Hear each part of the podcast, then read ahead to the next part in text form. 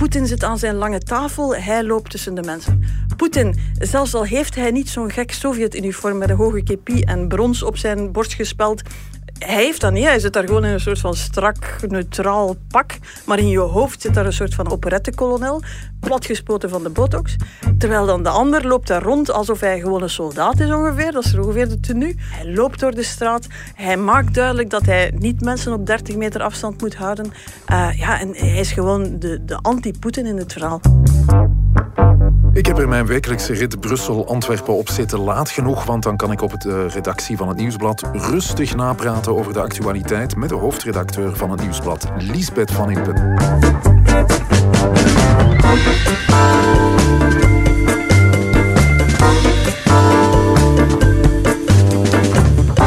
Dag Liesbeth. Dag Jeroen. Ik ben Jeroen Roppe. Dit is Het Punt van Van Impen.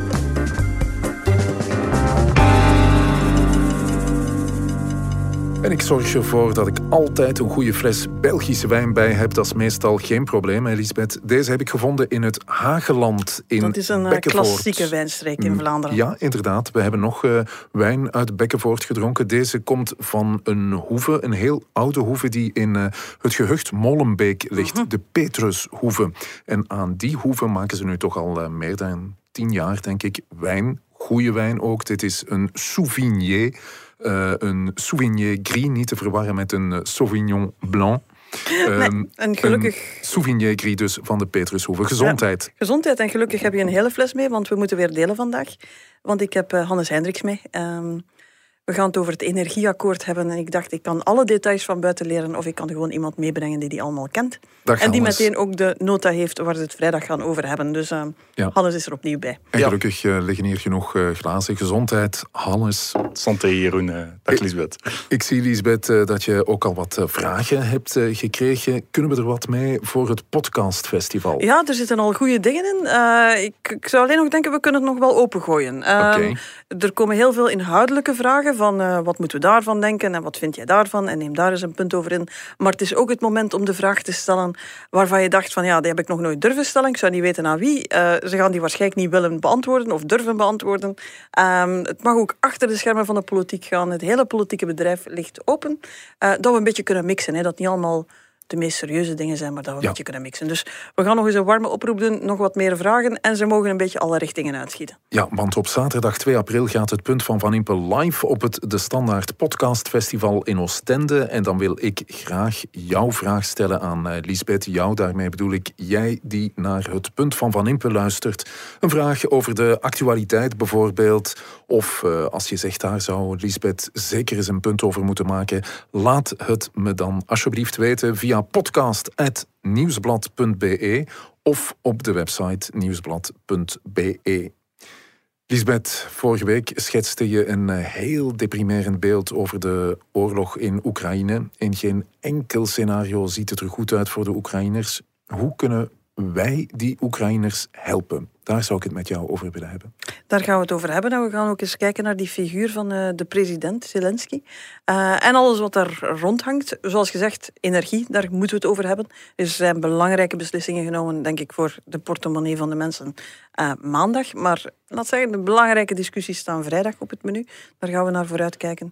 En uh, ik krijg ook wel opmerkingen van, ja, vragen. Uh, mag je nog cocktails met vodka maken? Hoe zit het met Tchaikovsky? Is Dostoevsky nog wel te verantwoorden in deze uh, anti-Russische tijden? Um, dus daar gaan we het ook eens over Ja, heb ik een goed excuus om die dikke Dostoevsky niet te lezen. Het punt van Van Impe op de meeste podcastplatformen en op nieuwsblad.be. We beginnen eraan. Ik ben iemand die gelooft dat, uh, dat de vrije markt dat dat het beste systeem is. Maar als die vrije markt totaal losstaat van de realiteit, dan moet je ingrijpen. Anders zit je in het systeem van de Far West en we betalen daar allemaal de, uh, de factuur van.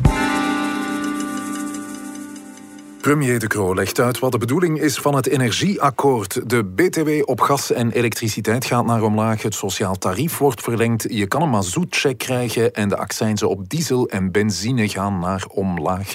Hannes Hendricks, eh, zo was het toch, hè? Ja, inderdaad. Dat akkoord spitst zich eigenlijk toe op twee aspecten. Dat is enerzijds die prijzen aan de pomp. Iedereen heeft het gezien. Je gaat tanken meer dan 2 euro voor een, eh, een, een, een liter benzine, een liter diesel. Um, tankbeurten die plots meer dan 100 euro eh, kosten. Dus dat is het ene aspect. Het andere aspect is die energiefactuur. We praten er ook al maanden over. Gas en elektriciteit heel duur geworden. Dus de regering heeft nu ook beslist om daar eigenlijk voor de derde keer op in te grijpen. Ja, derde keer, goede keer ook. Is het een goed akkoord? Wel, het is een akkoord dat iets verder gaat dan het tweede akkoord, uiteraard. Eh, met ook wel echt een, een concrete impact. 300 euro uh, per gezin, zei minister Tino van der Staten. Dus dat is wel wat. natuurlijk, de prijzen liggen op dit moment zo hoog dat het voor veel mensen een peulschil lijkt. Het water staat bij sommigen nog steeds aan de lippen. Daar zal dit akkoord niet veel aan veranderen. Maar voor de regering is het wel een van de uiterste scenario's hoe ver ze konden gaan. Het kost ook 1,3 miljard allemaal. Ja, de portefeuille van de, van de regering raakt op een gegeven moment ook leeg natuurlijk. Ja, Lisbeth, ik heb uh, um, toch wel wat kritiek gehoord op het akkoord. Um, wat je wel eens hoort is, er zit veel in. Het is een beetje van alles. Uh, iedereen in de meerderheid is tevreden. Uh, maar met als gevolg dat niemand er echt beter van wordt.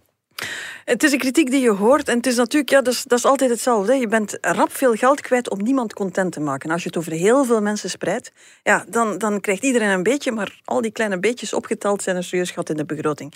Ik wil daar toch een beetje op nuanceren um, wat hier ook in zit. En waar eigenlijk, omdat het al sinds het begin erin zit, uh, en wordt er dus minder over gesproken, is het sociaal tarief. Dat is opnieuw verlengd. En daarvan weten we dat het de meest kwetsbare groep eigenlijk toch wel behoorlijk goed beschermt. Dus dat is een groep waar de hardste schok echt wel opgevangen is.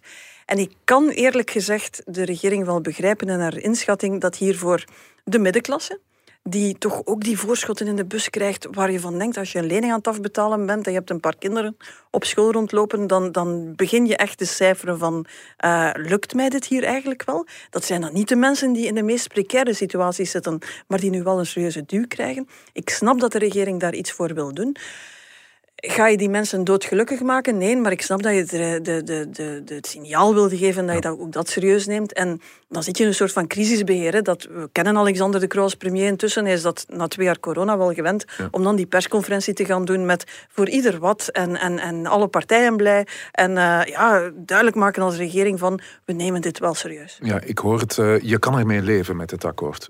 Ik denk vooral dat dit het stuk is waar je nooit voor iedereen goed kan doen. Waar je altijd gaat op een serieuze kostprijs eindigen. Maar waar eigenlijk ook het grote probleem niet zit. Ja, Hannes, ik uh, hoorde ook iemand zeggen dit akkoord zorgt ervoor dat we blijven consumeren, terwijl we eigenlijk eh, mensen zouden moeten aanzetten om minder te consumeren. Ja, dat klopt. En naast consumeren is het eigenlijk ook het consumeren uh, van slechte grondstoffen. Hè. Het gaat om fossiele grondstoffen, ja. uh, diesel, benzine, gas eigenlijk voor de regering die uh, zich wil loskoppelen van Russische grondstoffen, van Poetin.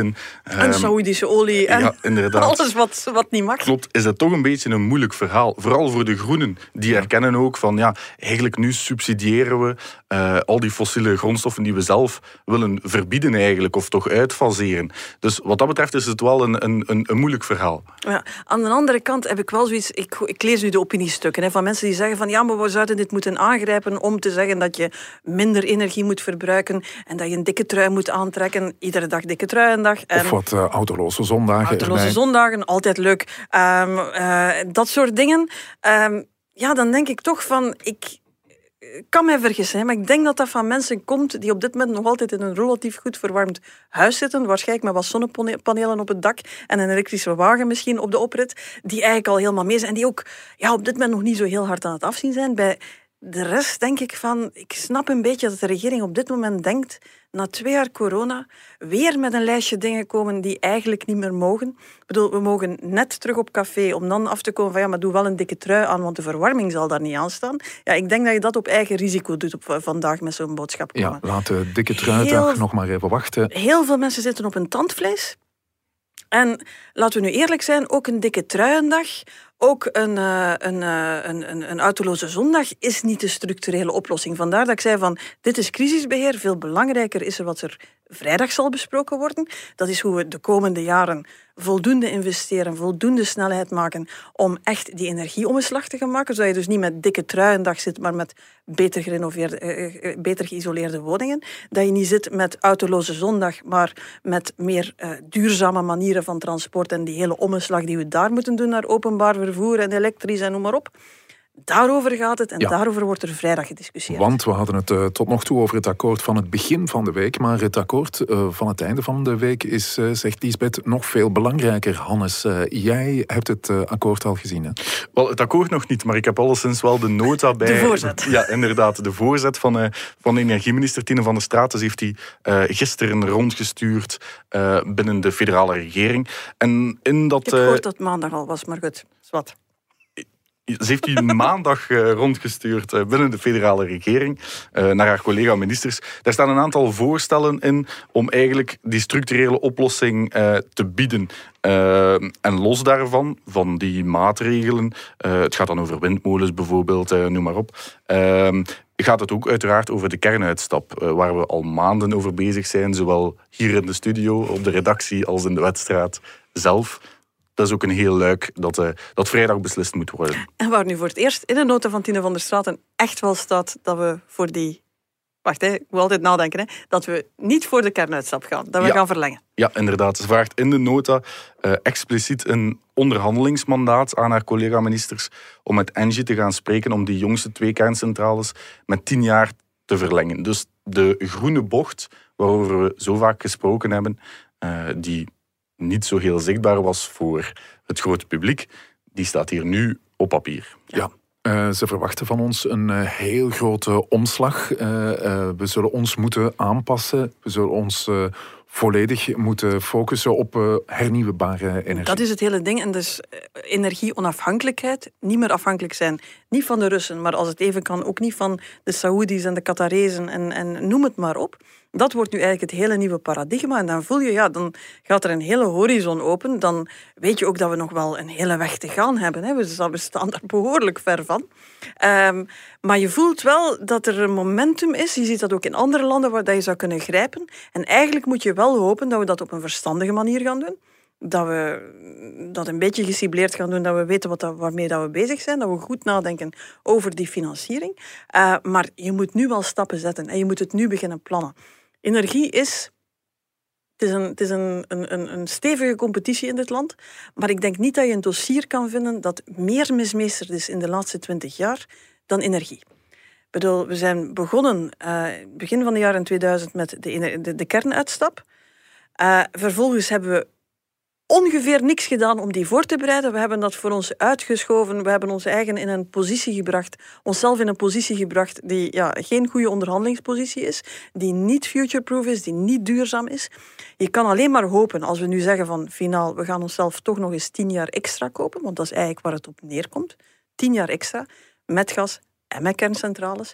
Um, dat we die tien jaar vanaf het begin, vanaf dag één benutten om het nu wel in handen te nemen en ervoor te zorgen dat we in 2035, ach, doet ons niet aan, weer in datzelfde mallenmolletje zitten van, ja, moeten we ze toch niet weer tien jaar verlengen? En kunnen we daar nog een scheurtje dicht plamuren? Ja, Hannes, ik hoor dat uh, Lisbeth een punt maakt. Hè. Ze zegt uh, over het akkoord van begin deze week, uh, oké, dat is misschien wel een heel duur akkoord dat weinig mensen echt blij maakt, maar goed, we kunnen ermee leven. Veel belangrijker is wat er nu op het einde van de week wordt beslist, want we moeten klaar zijn voor de grote omslag. Ja, net daarom is de discussie eigenlijk ook een beetje verlegd. Het ging vroeger alleen maar over die kernuitstap. Nu is daar een heel luik aan gekoppeld, uh, die transitie naar hernieuwbare energie. Tine van der Straten somt die maatregelen op. Nu, er hangt natuurlijk wel een heel groot prijskaartje aan vast, een heel hoog prijskaartje. Uh, Tine van der Straten vraagt 8 miljard eigenlijk om haar bocht te maken op het nucleaire gedeelte. Dus ze zegt, oké, ik wil instemmen met die nucleaire verlenging van die twee jongste kerncentrales, maar ik wil wel 8 miljard investeren in hernieuwbare energie. Ja, Daarover gaat de discussie vrijdag. Dat is gigantisch veel en daar zullen nog wel heel verschillende meningen bestaan over wat nu de goede manier is om die omslag te maken. We hebben in het verleden ook daar wel een paar fouten in gemaakt over subsidiëring van zonnepanelen. Ik zeg maar iets. Uh, dus we moeten zorgen dat we de fouten van het verleden niet opnieuw maken. Uh, je voelt als ik het zo hoor, de Groenen zijn mee, natuurlijk. Uh, vooruit is mee. De PS met iets meer slepende voeten is mee. CD&V zit een beetje in het midden. Het is vooral bij de liberalen, de zeer onvoorspelbare MR, die veel boter op het hoofd heeft voor het wanbeleid van de laatste twintig jaar, maar in deze zichzelf een soort van maagdelijkheid ja, de vorige minister van uh, Energie, ja, Margem. Het is alsof uh, ze nieuw geboren zijn, ergens 2020, en plots hebben ze het licht gezien. En ja, heel collegaal kan je het allemaal niet noemen, maar ook bij Open VLD voel je, ja, die begroting, die investering, klopt het wel, komen we ermee weg? Klinkt het ook allemaal niet als groene frivoliteiten in tijden dat we toch ook een beetje op de kleintjes moeten passen? Ze gaan daar, een, uh, ze gaan daar een, een, evenwicht moeten zien te vinden. Maar het zou spijtig zijn als hier ambitie ingeboet wordt voor een soort van uh, politiek spel, laten we zeggen. Uh, een regering die vrijdag buiten komt met de kernuitstap is on hold gezet. We gaan daar voor die tien jaar verlenging. En we hebben een plan over hoe dat we in die, die tien jaar dan gaan gebruiken om grote stappen vooruit te zetten. Dat zou eigenlijk de grootste dienst zijn als we ons kunnen bewijzen. Oké, dankjewel uh, Hannes Hendricks. Ik denk dat we een uh, duidelijk eerste punt hebben. Hè. Ik ga jou rustig uh, laten verder werken. Blijf gerust zitten. Drink nog een glas Petrus Hoeven. Ik denk dat er nog een stuk moet afgewerkt worden. Ja, ik denk het ook. De, deze energiedeal moeten we natuurlijk ook nog mee hebben in de krant. Eh, ja, We gaan je laten gaan, Hannes. Ja, dank je. Het punt van Van Impe.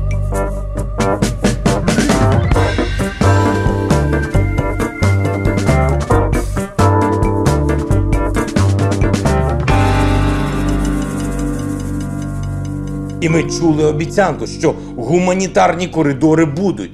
Їх немає. Замість гуманітарних коридорів вони здатні зробити тільки криваві.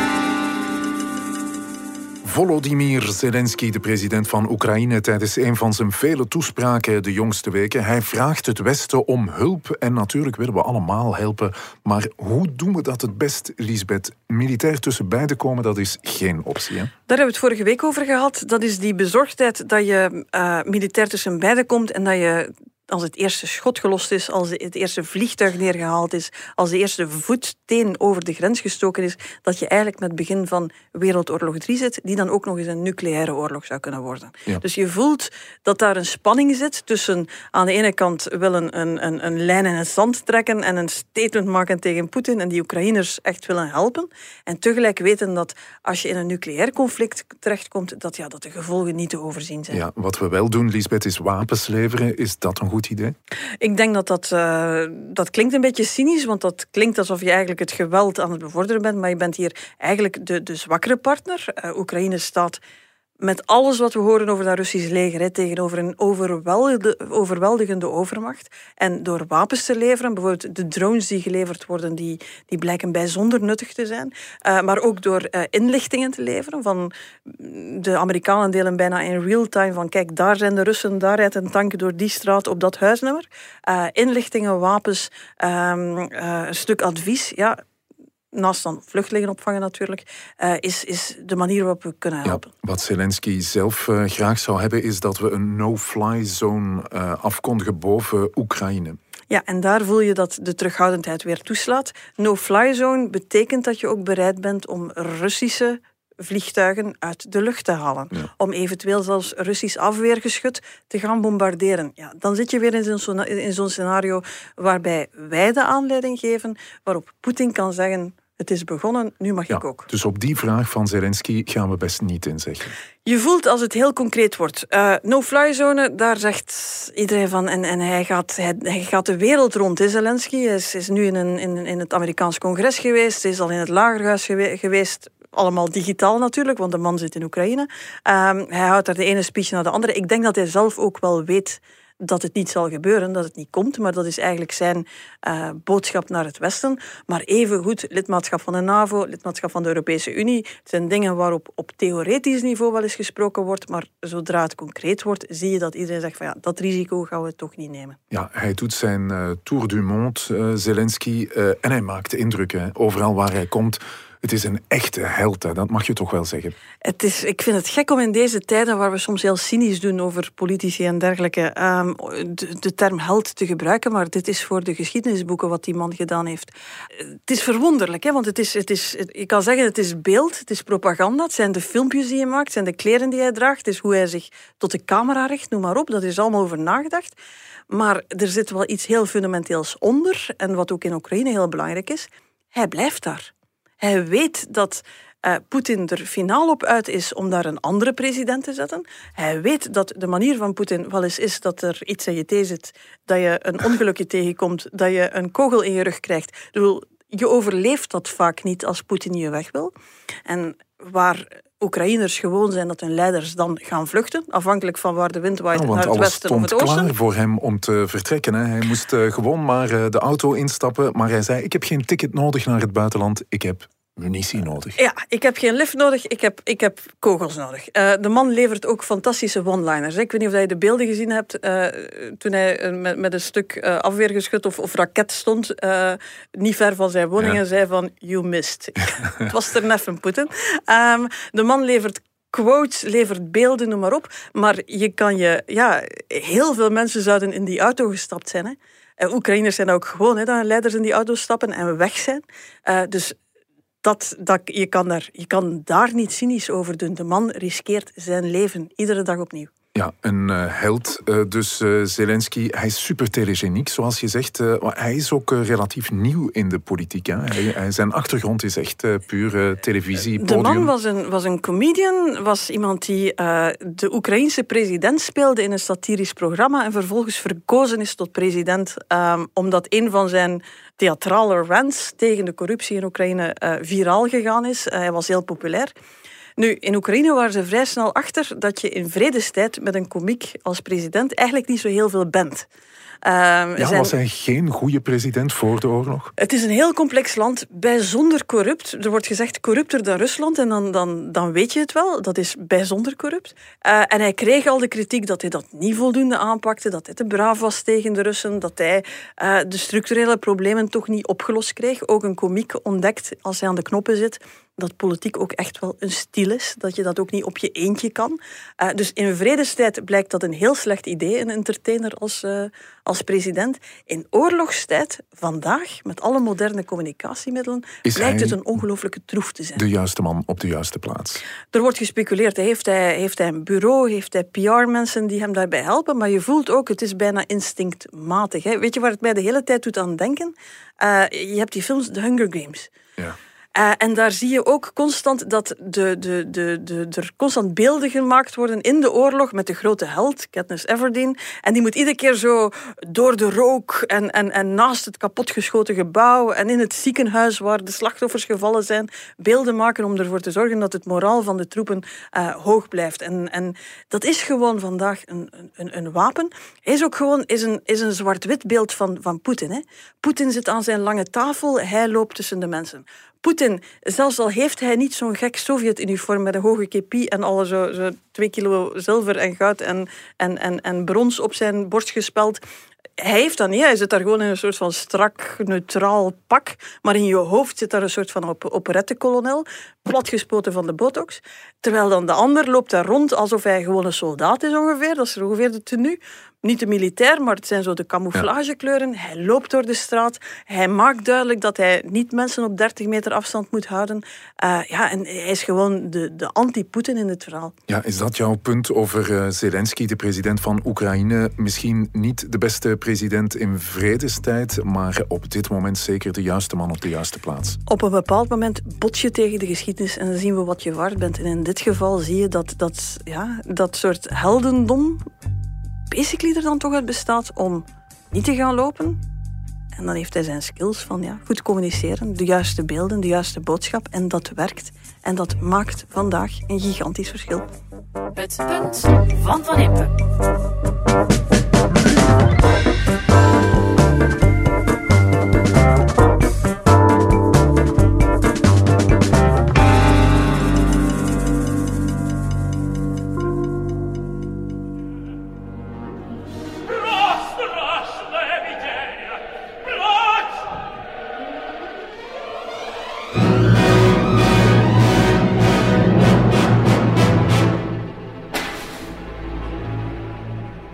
Zegt dit je iets, Lisbeth? Deze Eh, muziek? ja, ik ben geen superkenner, maar dit is Tchaikovsky, want ik heb deze opera juist. gezien. Het komt uit de opera Schoppenvrouw. Ik heb die trouwens ook gezien. Het was de eerste opera die ik ooit eh, zag. Ja, ik moet zeggen, het was eh, bij mij ook de eerste en afgerond grofweg ook de enige die ik gezien heb. Het is niet helemaal mijn, mijn ding, moet ik zeggen. Oké, maar ik eh, laat het horen omdat het orkest hier wordt eh, gedirigeerd door Valery Gergiev. Die stond eh, niet zo lang geleden nog in Bozar in Brussel, maar ik denk niet dat we hem daar nog snel zullen terugzien. Want Gergiev is een Rus die geen afstand neemt van Poetin en dus wordt hij overal gecanceld. Hij wordt geschrapt. We doen alsof hij niet bestaat. Pas op, het gaat ook veel verder. Je ziet hele discussies passeren of we überhaupt nog wel naar Tchaikovsky, die bij mijn weten helemaal niks met deze oorlog te maken heeft, wegens al lang dood. Ehm, en nou, de andere grote Russen, we kennen ze, Tolstoy, Dostoevsky.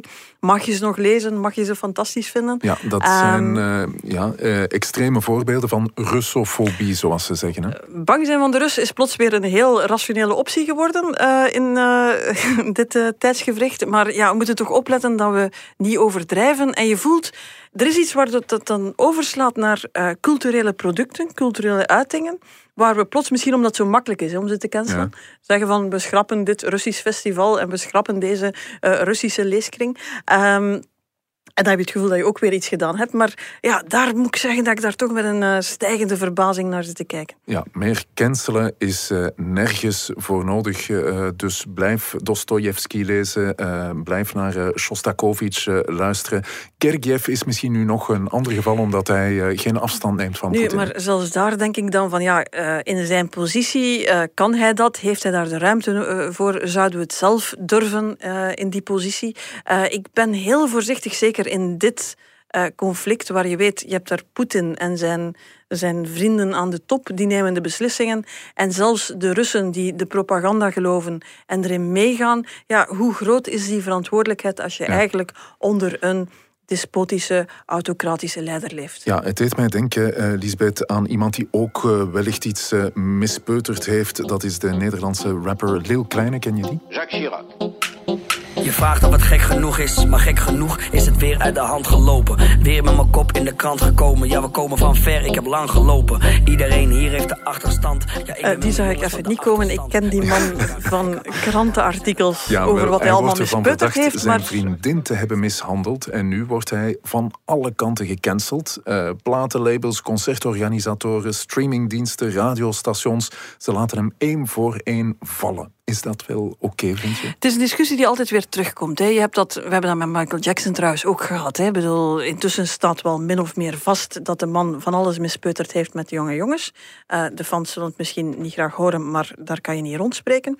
Daarnaast is de man deel van de muziekgeschiedenis. Ja. eh, wordt die gedraaid. En Je kan je toch niet eh, inbeelden dat je Wanna Be Starting Something niet meer opzet. En dan krijgen ze van ja, we gaan dat dan kaderen.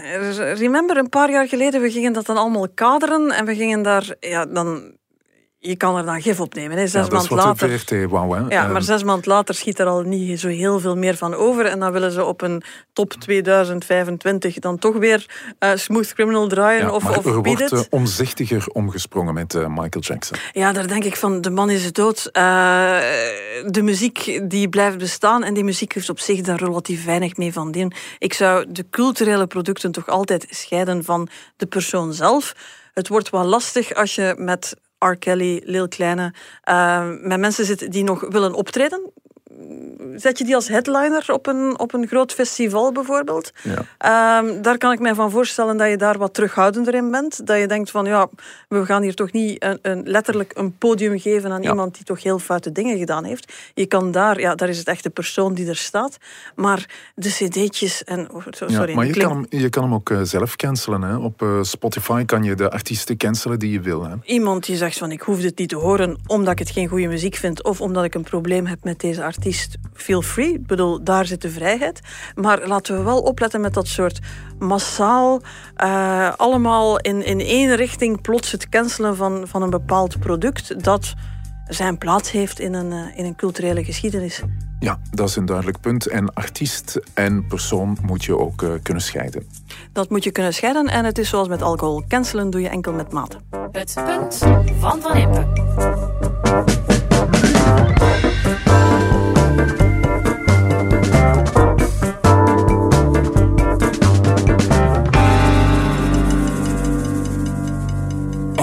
Uh, gecanceld toch, Lisbeth. Het zijn verwarrende tijden, hè? Uh, ja, het is, het is heel moeilijk om iedere keer opnieuw daar het midden te bepalen. En wat is nu een redelijke... Ah, wel, ik moest er ook aan denken toen ik uh, las dat de filmprijzen in Oostende, de Ensors heette die, dat die voor het eerst uh, genderneutraal waren. Dus geen beste mannelijke bijrol of uh, vrouwelijke hoofdrol. Nu blijkt dat er bij de genderneutrale Ensors geen enkele vrouw won in onze voorbereidende vergadering zei je van... Ik vond dat eerlijk gezegd heel grappig uh, nieuws, ja. Ja, voor die actrice is dat natuurlijk iets minder leuk, maar daar zie je van, ja, je kan iets met de beste bedoelingen doen en dan, dan uh, pakt het toch verkeerd uit. En ik, ik snap die actrices wel, die zeggen van, kunnen we misschien eerst wat uh, meer sterke vrouwenrollen schrijven? Het aantal films dat gedragen wordt door vrouwen, dan wordt de competitie echt wel eerlijk. pas op, hetzelfde wat, wat zwarte acteurs bijvoorbeeld zeggen, hè, van, ja. in, in in, in Hollywood van maak eens wat meer mooie rollen, dragende rollen voor zwarte acteurs. Dan maken we kans op die Oscars. Um, de prijzen op het einde, dat is, dat is het resultaat, dat is de eindmeet zolang dat de dingen ervoor niet juist zitten, dan ga je dus dit soort dingen krijgen. Genderneutraal en kijk eens aan, het zijn allemaal witte mannen. Verwarrende tijden, maar de wijn uit de Hagelandse Petrushoeve, die schonk ons wel een heldere blik en een paar goede punten deze heerlijke fruitige wijn uit eh, de Petrushoeve. Ik kan de mensen die luisteren naar het punt van Van Impen niet beloven dat ik iedereen iets te drinken ga geven op het, het is wel podcastfestival. Hè? Ik vind bij deze we podcast. ons best doen. Ja. Ik zou toch proberen om iedereen iets Belgisch alcoholisch of niet alcoholisch in handen te duwen. Maar we moeten nog even checken of het mag. Ja, een vraag stellen aan Lisbeth, dat uh, kan ik uh, zeker doen. Stel je vraag maar via podcast.nieuwsblad.be. Je kan je vraag uh, of je suggestie ook gewoon droppen op de site nieuwsblad.be. Ik ben ermee weg. Lisbeth, tot volgende week. Tot volgende week. Was het punt van Van Impe, een podcast van het Nieuwsblad. Je hoorde de stemmen van hoofdredacteur Lisbeth Van Impe en van politiek reporter Hannes Heindriks en van mezelf, Jeroen Kroppe. Dank aan de VRT voor de audioquotes, aan Pieter Schrevers voor de muziek en aan Pieter Santens van House of Media voor de montage. De productie was in handen van Eva Michon en Bert Heijvaart. Tot het volgende punt van Van Impe.